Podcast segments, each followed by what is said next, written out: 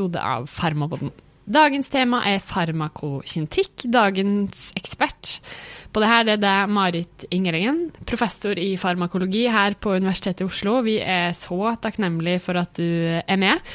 Vil du introdusere deg litt selv? Ja, og tusen takk for invitasjonen. Dette er jo kjempemorsomt. Så jeg er ganske ny professor. Jeg har vært det nå i to og et halvt år, så jeg er ganske fersk. Men jeg syns dette læreformatet i en podkast er veldig spennende. Vi er vant til å stå og undervise med grafer på tavla, men nå skal vi bare se det for oss. Så vi får se om vi får det til. Her tvinges vi til å bare, liksom, bare bruke ord da, når vi skal forklare det. Eller du skal forklare det. vi, vi, skal bare lære. Eh, aller først, da, hva er farmakokinetikk? Ja, det er da en eh, det vi kaller en lære om eh, hvordan kroppen håndterer legemidler. Og som vi skal snakke om, så er det veldig viktig for å forstå hvordan legemidlene virker, og hvordan de skal oppnå sin effekt.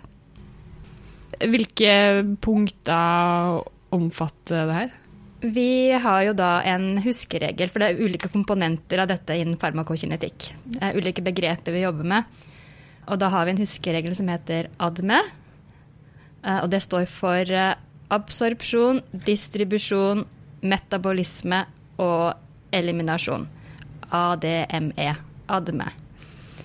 Og alle de fire parameterne de beskriver litt av hva som skjer i kroppen vår når vi tar inn et legemiddel. Ikke sant? Vi skal jo gå gjennom de her litt uh, mer i detalj. Uh, men aller først, da, hvorfor er det viktig å kun, eller kjente det her begrepet og vite hva det er? Eh, jeg syns farmakokinetikk er et av de viktigste fagene dere egentlig lærer dere nå. Fordi dere ønsker jo å bruke medikamenter i behandling. Og da er dere nødt til å forstå hvilke parametere i kroppen vår som kan påvirke den effekten dere forventer å se.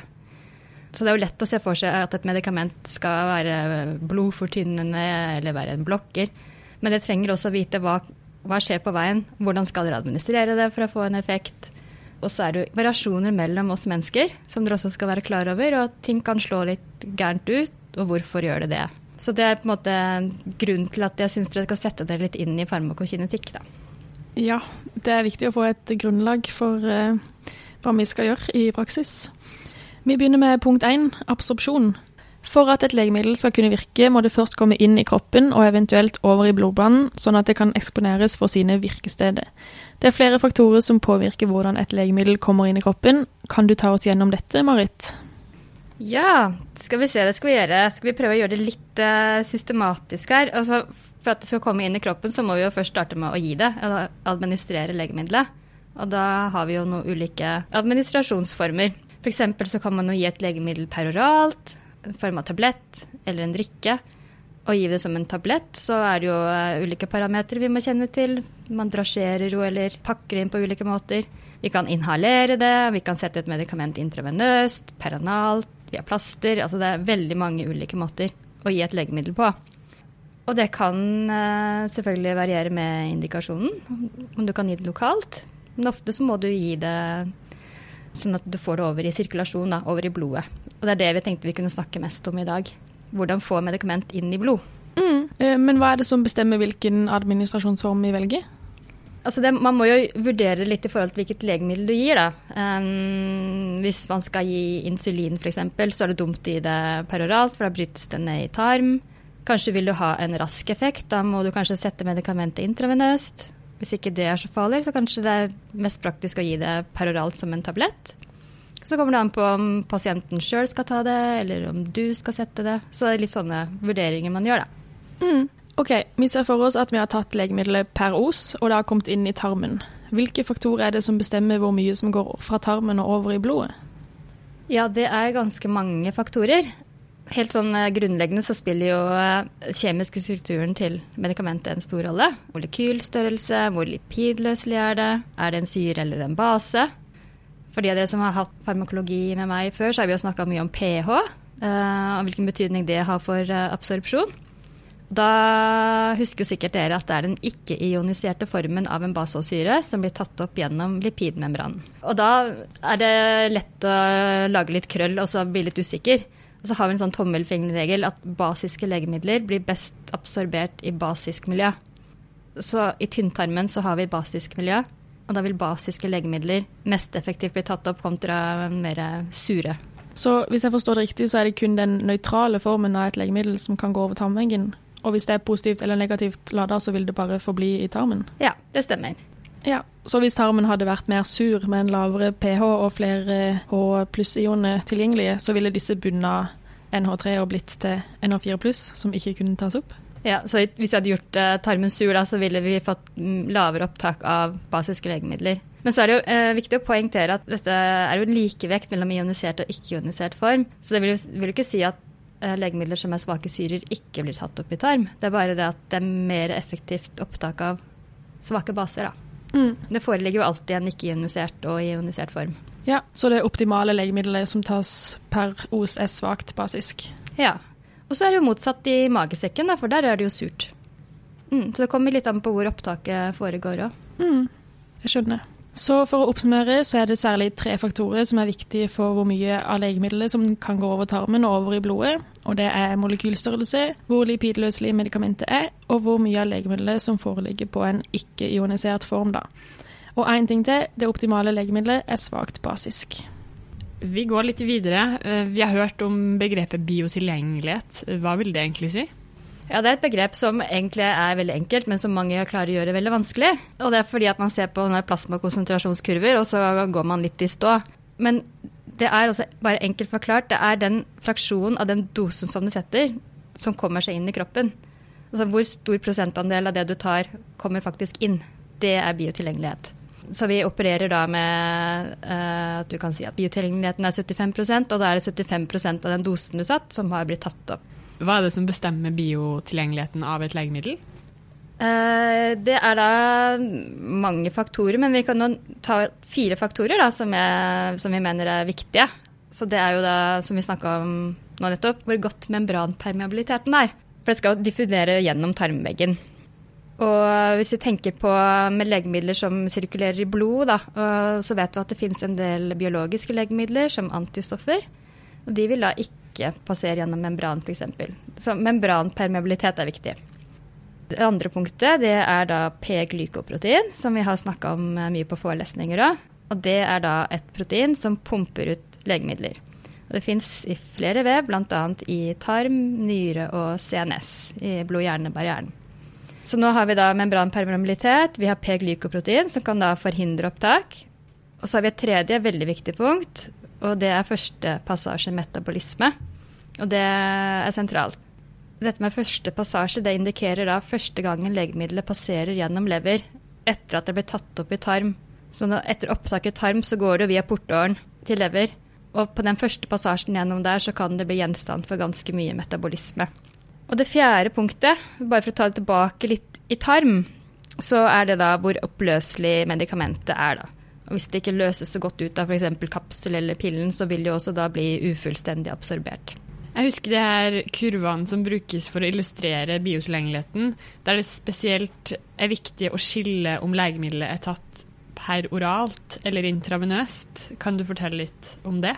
Det er veldig bra at du formulerte det på den måten der. fordi at um, det er ikke det at det er viktig å skille mellom de to kurvene, egentlig. Eh, det som er poenget, er at når vi skal bestemme biotilgjengelighet, så er vi interessert i å sammenligne mot når legemiddelet settes intravenøst.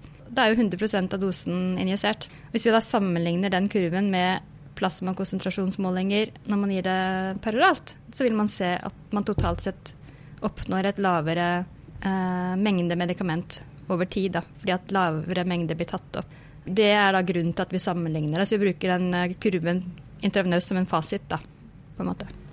Ser vi ikke også på arealet under denne kurven? Jo, nettopp. Godt at du sa det er arealet under kurven vi er interessert i å sammenligne.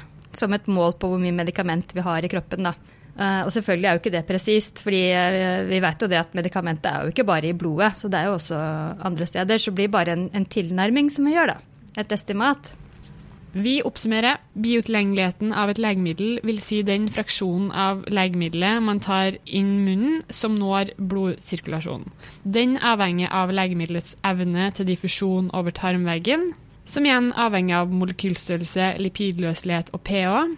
Det avhenger også av hvor mye som pumpes ut av P-glykoprotein, hvor mye som metaboliseres eh, når det går gjennom levra første gangen, og substanset sin oppløselighet. Punkt nummer to er distribusjon. Hva vil dette si, og hva bestemmer det? Ja, Det er jo et veldig viktig punkt. For distribusjon det er jo hvordan legemidlet skal faktisk komme seg eh, rundt i kroppen vår, og helst til riktig virkested. Distribusjon det, altså, det handler om altså hvordan legemidlet fordeler seg i kroppen. Vanligvis så vil vi ikke bare ha legemidlet i blod, ikke sant? det skal jo et annet sted. Normalt. Eh, med mindre det er noe i blodet som skal behandles, holdt jeg på å si. Og her er det da fire viktige punkter som bestemmer distribusjon. Og det er eh, grad av proteinbinding i plasma. Hvor godt holdes medikamentet tilbake i plasma. I noen tilfeller så kan man jo ha Hvis vi tenker på varfarin, da, så har det over 90% binding til plasmaproteiner. Et veldig liten andel fritt medikament. Så det var det første punktet. Det andre punktet det er eh, hvor god blodtilførsel det er til eh, organene. Det er noen organer som mottar mer blod enn andre. Og da også vaskulær permeabilitet. Eh, tredje punktet er membranpermeabilitet. Kommer vi tilbake igjen til dette punktet vi har snakka om mye før. Så hvor fettløselig er legemiddelet? Hvilken pH-verdi er det i miljøet? Og fjerde punktet det er da clearance eller eliminasjon. Så det er de fire punktene da, som er med på å bestemme hvor mye som kommer seg rundt. Ja, eh, Men hvordan kan vi egentlig vite hvor stort distribusjonsvolumet er? Ja, Nå kom du inn på et fint begrep, distribusjonsvolum. Så nå snakker vi nettopp om distribusjon. Vi er jo ofte interessert i å lage oss et estimat på hvor effektivt eller hvor godt et medikament distribuerer i kroppen. Og vi kan jo ikke ta ulike organer og, og, mose opp og måle, så vi er nødt til å lage modeller. Det baserer vi på hva vi måler i plasma. Da har vi lært om distribusjonsvolum i forelesninger. Eh, da husker dere kanskje at vi snakka om høyt og lavt distribusjonsvolum? Ja. Og så skjønte dere sikkert ingenting? Nei. Nei. jeg har egentlig aldri skjønt hva det betyr. Kan Nei. du forklare det litt nærmere? Ja, altså, eh, Jeg har begynt å lage en liten sånn modell gjennom på forelesning. For Gitt at du skal gi noen 500 milligram, eh, så setter du det intravenøst, og så måler du plasmakonsentrasjon med en gang. Måler du en veldig lav plasmakonsentrasjon, så betyr det at mye av medikamentet har distribuert ut fra blodbanen. Måler du relativt høy konsentrasjon, så betyr det at medikamentet stort sett har bare blanda seg i blodsirkulasjon. Og Det er disse tallene, disse plasmakonsentrasjonsmålingene, man gjør rett etter injeksjon, som man bruker til å estimere grad av distribusjon. Så hvis man da tar eh, dosen delt på denne plasmakonsentrasjonsmålingen man gjør, så får man et eh, volumtall, altså liter. Eh, måler man et lavt tall, f.eks. Eh, fem liter, så er det et lavt distribusjonsvolum. Da kan vi jo tenke litt på plasmavolumet vårt, som er rundt tre liter. Og så kan man måle 270 liter f.eks., og det er jo ekstremt høyt. Det er mye mer væske enn vi har i kroppen vår. Det indikerer bare at medikamentet ganske veldig godt distribuerer ut av blodet. Mm. Har du noen eksempler på legemidler som har høyt eller lavt distribusjonsvolum? F.eks. Eh, propanolol, sånn anestesilegemiddel, har veldig høyt distribusjonsvolum. Så har vi på den andre enden varfarin, som på en måte er et antikoagulantika. Det har da veldig lavt distribusjonsvolum, fordi det skal jo ha sin primære virkning i, i blod. Mm, for propanolol skal virke i vevet, og da ja. må det ha et høyt Ja, skal jo inn i CNS, mm. Så, så det, er, det er sånn teoretisk tall, da. Men det er, en, det er, en, modell vi har for å kunne estimere grad av eller evne til distribusjon. Eh, og alle legemidler har sitt eget distribusjonstall, som da står i legemiddelhåndboka, f.eks. Ja, mm. og hva som er høyt og lavt, det kan man egentlig se ut ifra plasmavolumet i kroppen. Ja, så det, men så er det glidende overganger. Det er veldig vanskelig å si å, dette er et veldig lavt tall og dette er et veldig høyt tall, for det er helt teoretiske tall. Ja. Det er alltid noen studenter som spør meg hvor høyt er 40 liter, er det høyt eller er det lavt? Ja. Jeg vet Nei, det, altså, det er ikke Nja. det blir litt sånn Du kan ikke sette noen ordentlige grenser for hva som er Altså disse midtre tallene, da, da, da vet du bare at ja, det distribuerer. Så det er jo høyere enn tre liter. Så da har det på en måte gått ut i vev. Uh, ja. Mm. Så ikke heng dere så veldig med opp i disse tallene, vil jeg si. Det gjorde det litt mer forståelig. Eh, så distribusjonsvolumet er egentlig bare en teoretisk verdi som forteller om evnen legemiddelet har til å distribuere ut i vevet. Og et lavt distribusjonsvolum, da er det mye i blodet. Og et høyt distribusjonsvolum vil si at mye har gått ut i vevet. Ja. Og videre går vi til at legemidler skal fjernes fra kroppen igjen, eller elimineres. Og her er det vel hovedsakelig to måter det kan skje på. Eh, metabolisme av fettløselige legemidler i levra, eller ekskresjon av vannløselige legemidler i nyrene.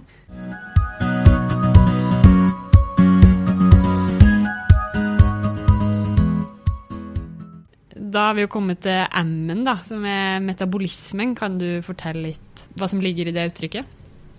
Ja, så hvis vi tenker på legemidlene, så er jo de eh, kroppsfremmede stoffer for oss. Og kroppen har et naturlig system for å kvitte seg med gifter og andre kroppsfremmede eh, molekyler. Metabolisme av legemidler skjer da i lever, og det har som funksjon å gjøre dem mer vannløselige, slik at de kan skilles ut i nyrene. Hvis du tenker på utskillelse i nyre, så hvis du har et fettløselig medikament, så vil det da bare bli reabsorbert med mindre det kan gjøres mer vannløselig. Så det er da hovedpoenget med metabolisme. Og den skjer da hovedsakelig i lever, og det er rett og slett fordi at leveren har de største mengdene med metabolske enzymer. Men det er viktig å være klar over at det finnes i andre organer også. og Det foregår også metabolisme i tarm, f.eks. Er det ikke også delt opp i ulike faser? Jo, det stemmer.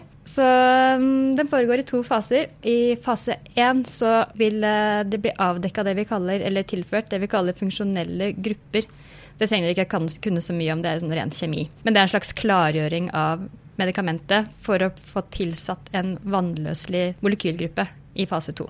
Vil det da si at legemidlene alltid er inaktive etter at de har blitt metabolisert? Altså, hovedregelen er at de blir inaktive når de har blitt metabolisert. Uh, men det finnes jo selvfølgelig unntak. Man har uh, prodrugs, og de er designa sånn at de skal bli aktive etter uh, at de har blitt metabolisert.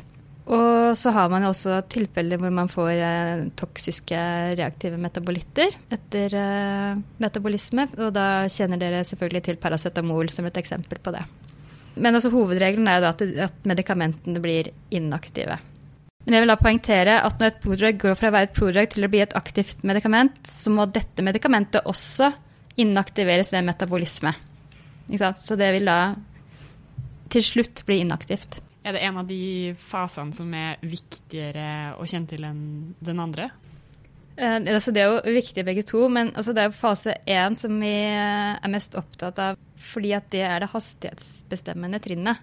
Det utføres uh, hovedsakelig av SUP-enzymer, som vi har snakka veldig mye om på ulike forelesninger. Og det er en viktig familie. Uh, vi skal også snakke om denne SUP-familien når vi skal snakke om interaksjoner i en annen podkast. Og de er veldig utsatt for både legemiddelinteraksjoner og polymorfismer. Dvs. Si at vi har ulike varianter av uh, enzymer, så det er stor interindividuell variasjon. Noen kan ha veldig mange av et enzym, noen kan ha veldig få. Og det kan ha betydning av uh, hvor stor konsentrasjon du får av medikamentet i serum. Ja, vi kommer jo til, som du sa, tilbake til det her i en egen episode, hvor vi også er så heldige å få ha deg som gjest. Vi går litt videre til neste punkt, punkt nummer fire.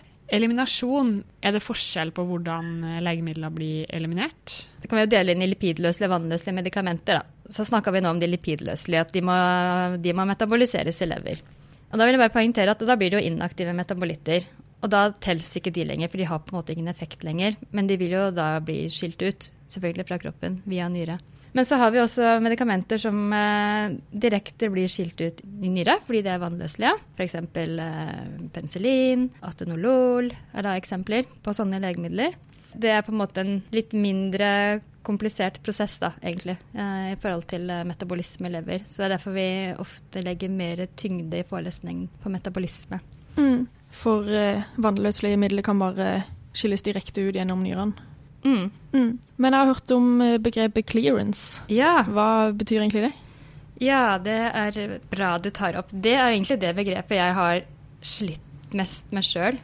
Ja, å forklare for meg sjøl jeg tror at grunnen til at jeg har slitt litt med det, er fordi at det sier meg ikke noe om hvor mye legemiddel som forsvinner fra kroppen. Fordi definisjonen på clearance det er da hvor stort væskevolum som blir renset for aktivt legemiddel per tidsenhet. Så det oppgis da i, uh, i volum per time. Men det, jo, uh, det, begrepet vil jo på en måte fortelle deg om uh, hvor effektiv eliminasjonen er, da, sånn jeg ser på det. Dette begrepet clearance sier heller ingenting om hvor eliminasjonen foregår. Så når vi snakker om clearance, så er det et sekkebegrep vi bruker på eliminasjon via både nyre, lever, eh, så metabolsk eliminasjon, nyreutskillelse og ekskresjon via andre veier, f.eks. galle, at man svetter ut. Så det er alt, alle måter som vi kan kvitte oss med et legemiddel på, det går inn i dette sekkebegrepet clearance. Mm. Mm. Så clearance sier egentlig bare hvor fort et legemiddel fjernes fra kroppen, men ikke hvor mye, på en måte. Ja. Jeg tenkte bare jeg skulle komme med en liten sånn tilleggsgreie med nyrene, siden vi var litt på nyrene. Og da vil jeg bare litt tilbake til pH. Ja. Nå er ikke jeg så veldig glad i pH, men det, her er, det er veldig viktig for å skjønne absorpsjon og reabsorpsjon. Så hvis vi nå går til nyrene så Vi snakka jo om, bare for å ta det linjene tilbake litt til tarm, når vi snakka om absorpsjon av basiske legemidler, at det var favorisert. Mm. Så har vi en litt annen situasjon i nyrene, da. Eller en tilsvarende situasjon. Legemidler er jo gjenstand for reabsorpsjon i nyrene. Og da er det de samme prinsippene som gjelder. Så det er ikke-ionisert form som kan da bli reabsorbert tilbake til blodet. Så det er liksom motsatt fra tarm, da. Eh, Så da, ikke sant, I tarm så ønsker vi på en måte å ha en ikke-ionisert form for å få det inn i kroppen. Ja. Men i nyrene så vil vi ha en ionisert form for å få det skilt ut. Mm. Ikke sant? Så hvis urinen er sur, så Ja, hva skjer da? Ja, så når vi har et surt miljø, hva er det som da blir eh, best absorbert? da er det vel sure legemidler som blir absorbert. Ja, de blir absorbert best. Så det vil si da at basiske legemidler vil da mer sannsynlig være i ionisert form og bli skilt ut. Ja. Ikke sant? Mm. Så basiske legemidler skilles best ut i sur urin, Ja. og omvendt. ja. Ja. Mm. Men hva skjer da hvis man uh, gjør en alkalisering av urinen, da? Nå ble det eksamen her, vet du. Nå blir vi grilla, ja. Da vil vel basiske legemidler reabsorberes. ja, så kan du få økt utskillelse av eh, sure legemidler. Mm. Mm. Så du kan Ja. måtte få pressa ut flere av de. Ikke sant? Hvordan er det man alkaliserer urinen? Du kan ta bikarbonat, f.eks. Mm. Mm. Når gjør man det? Å, eh, Nei, når gjør man det? Det må være hvis du har noe eh, forgiftning av et eller annet. da. eh, kommer jeg ikke på noe godt eksempel i farta. Nei. Nei. Dette var et stort tema som må oppsummeres litt. Det er hovedsakelig to måter et legemiddel kan elimineres fra kroppen. Metabolisme av fettløselige legemidler i levra, slik at de blir mer vannløselige og kan skilles ut i nyrene, eller direkte ekskresjon av allerede vannløselige legemidler i nyrene.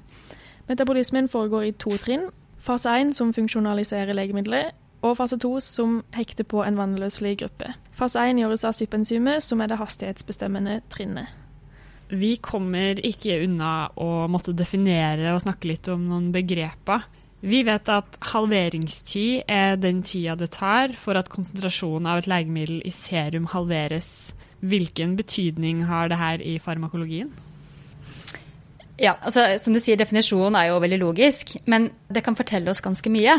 Så hvis du har et medikament med en veldig lang halveringstid, så betyr det at medikamentet er til stede i kroppen vår over lengre tid, så vi er eksponert det, til det over lengre tid og vil ha lengre effekttid, eller hva man kan kalle det, av, av medikamentet.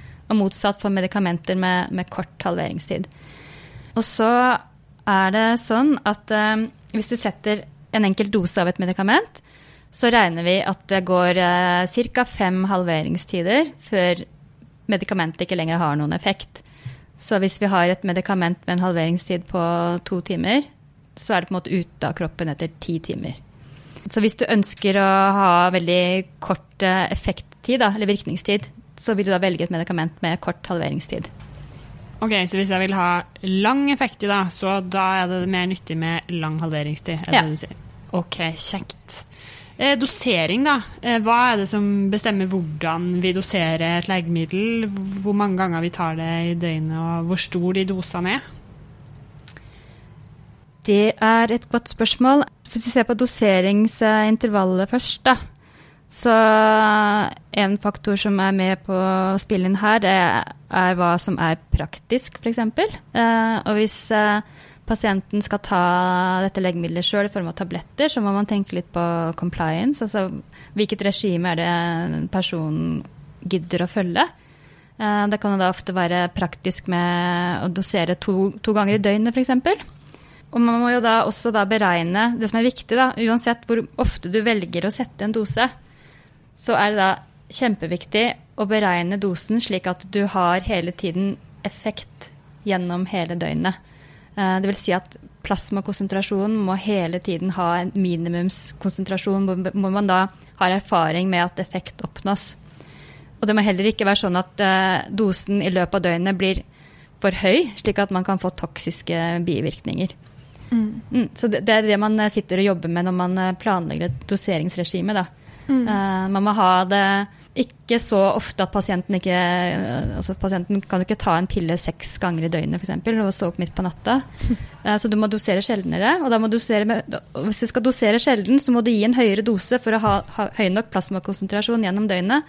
Men samtidig så må du jo unngå at det blir for høyt og for lavt når du doserer sjelden. Så det her er da uh, ja. Det er en fin balanse som, må, som må finnes der, ja. Eh, et siste begrep eh, i farmakokinetikken er steady state. Eh, vi vet at steady state er likevekt mellom legemiddelet som tilføres kroppen, og legemiddelet som fjernes fra kroppen. Men når oppnås egentlig denne likevekten? Den eh, korte svaret der er etter fem halveringstider. Mm. Eh, så hvis du eh, har et eh, legemiddel med en halveringstid på syv dager f.eks., bare for å ta noe veldig langt, så vil det si at det vil ta 35 dager før du når dette steady state-nivået, hvor det er like mye, plass, like mye, som kommer inn av det som går ut. Det var jo et litt ekstremt eksempel, da. Men, men har du et legemiddel som har en halveringstid på to timer, så vil det ta ti timer å nå steady state. Mm. Mm. Du ga jo et eksempel med en veldig lang halveringstid. Er det noe vi kan gjøre for å oppnå steady state fortere for de legemidlene som har veldig lang halveringstid? Det er det. Vi kan uh, jukse og gi det vi kaller en støtdose. Så da gir vi en veldig høy dose for å komme raskt opp i plasmakonsentrasjon. Og så kan man da gi vedlikeholdsdoser inntil man når det tidspunktet hvor det er da steady state. Det trenger ikke gjelde bare medikamenter som har lang halveringstid. Det kan uh, være tilfeller hvor du må ha uh, superrask effekt. Så det kan jo også være medikament med to timers halveringstid, for det tar jo fortsatt ti timer. Og ja. kanskje du vil ha umiddelbar effekt. Ja, ikke sant. Så, mm. Mm. Da tror jeg vi begynner å eh, være ved veis ende og har vært gjennom mye kinetikk i dag. Du har jo blitt grilla litt allerede, Cecilie, men uh, vi, vi, vi snurrer eksamen.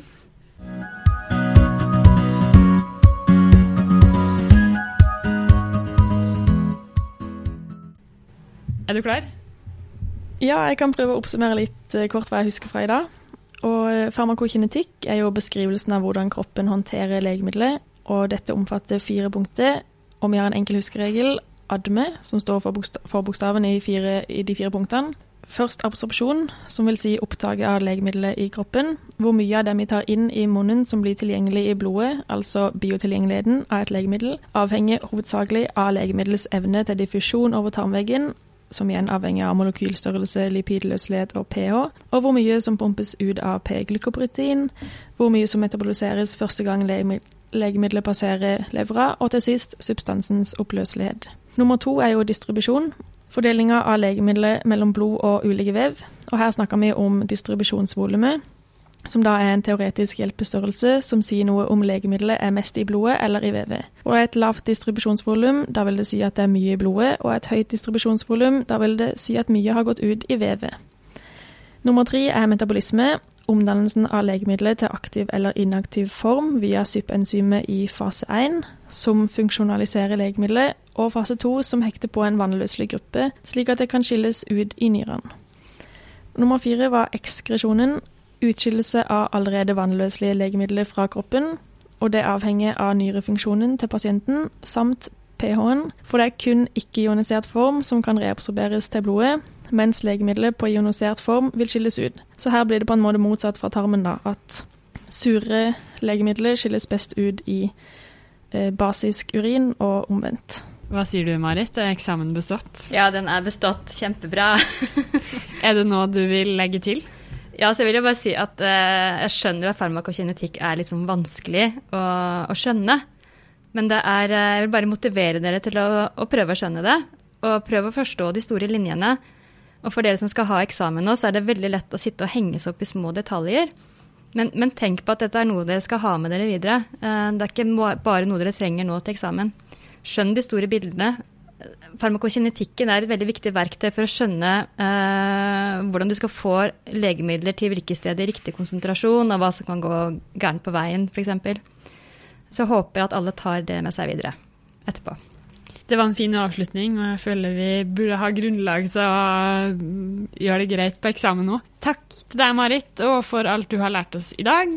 Dersom du som hører på har spørsmål til Marit eller til oss, eh, eller har noen tilbakemeldinger på denne podkasten, så er det bare å sende en mail til farmapodden at gmail.com. Vi finnes også på sosiale medier, Facebook og Instagram. Takk for at du lytta.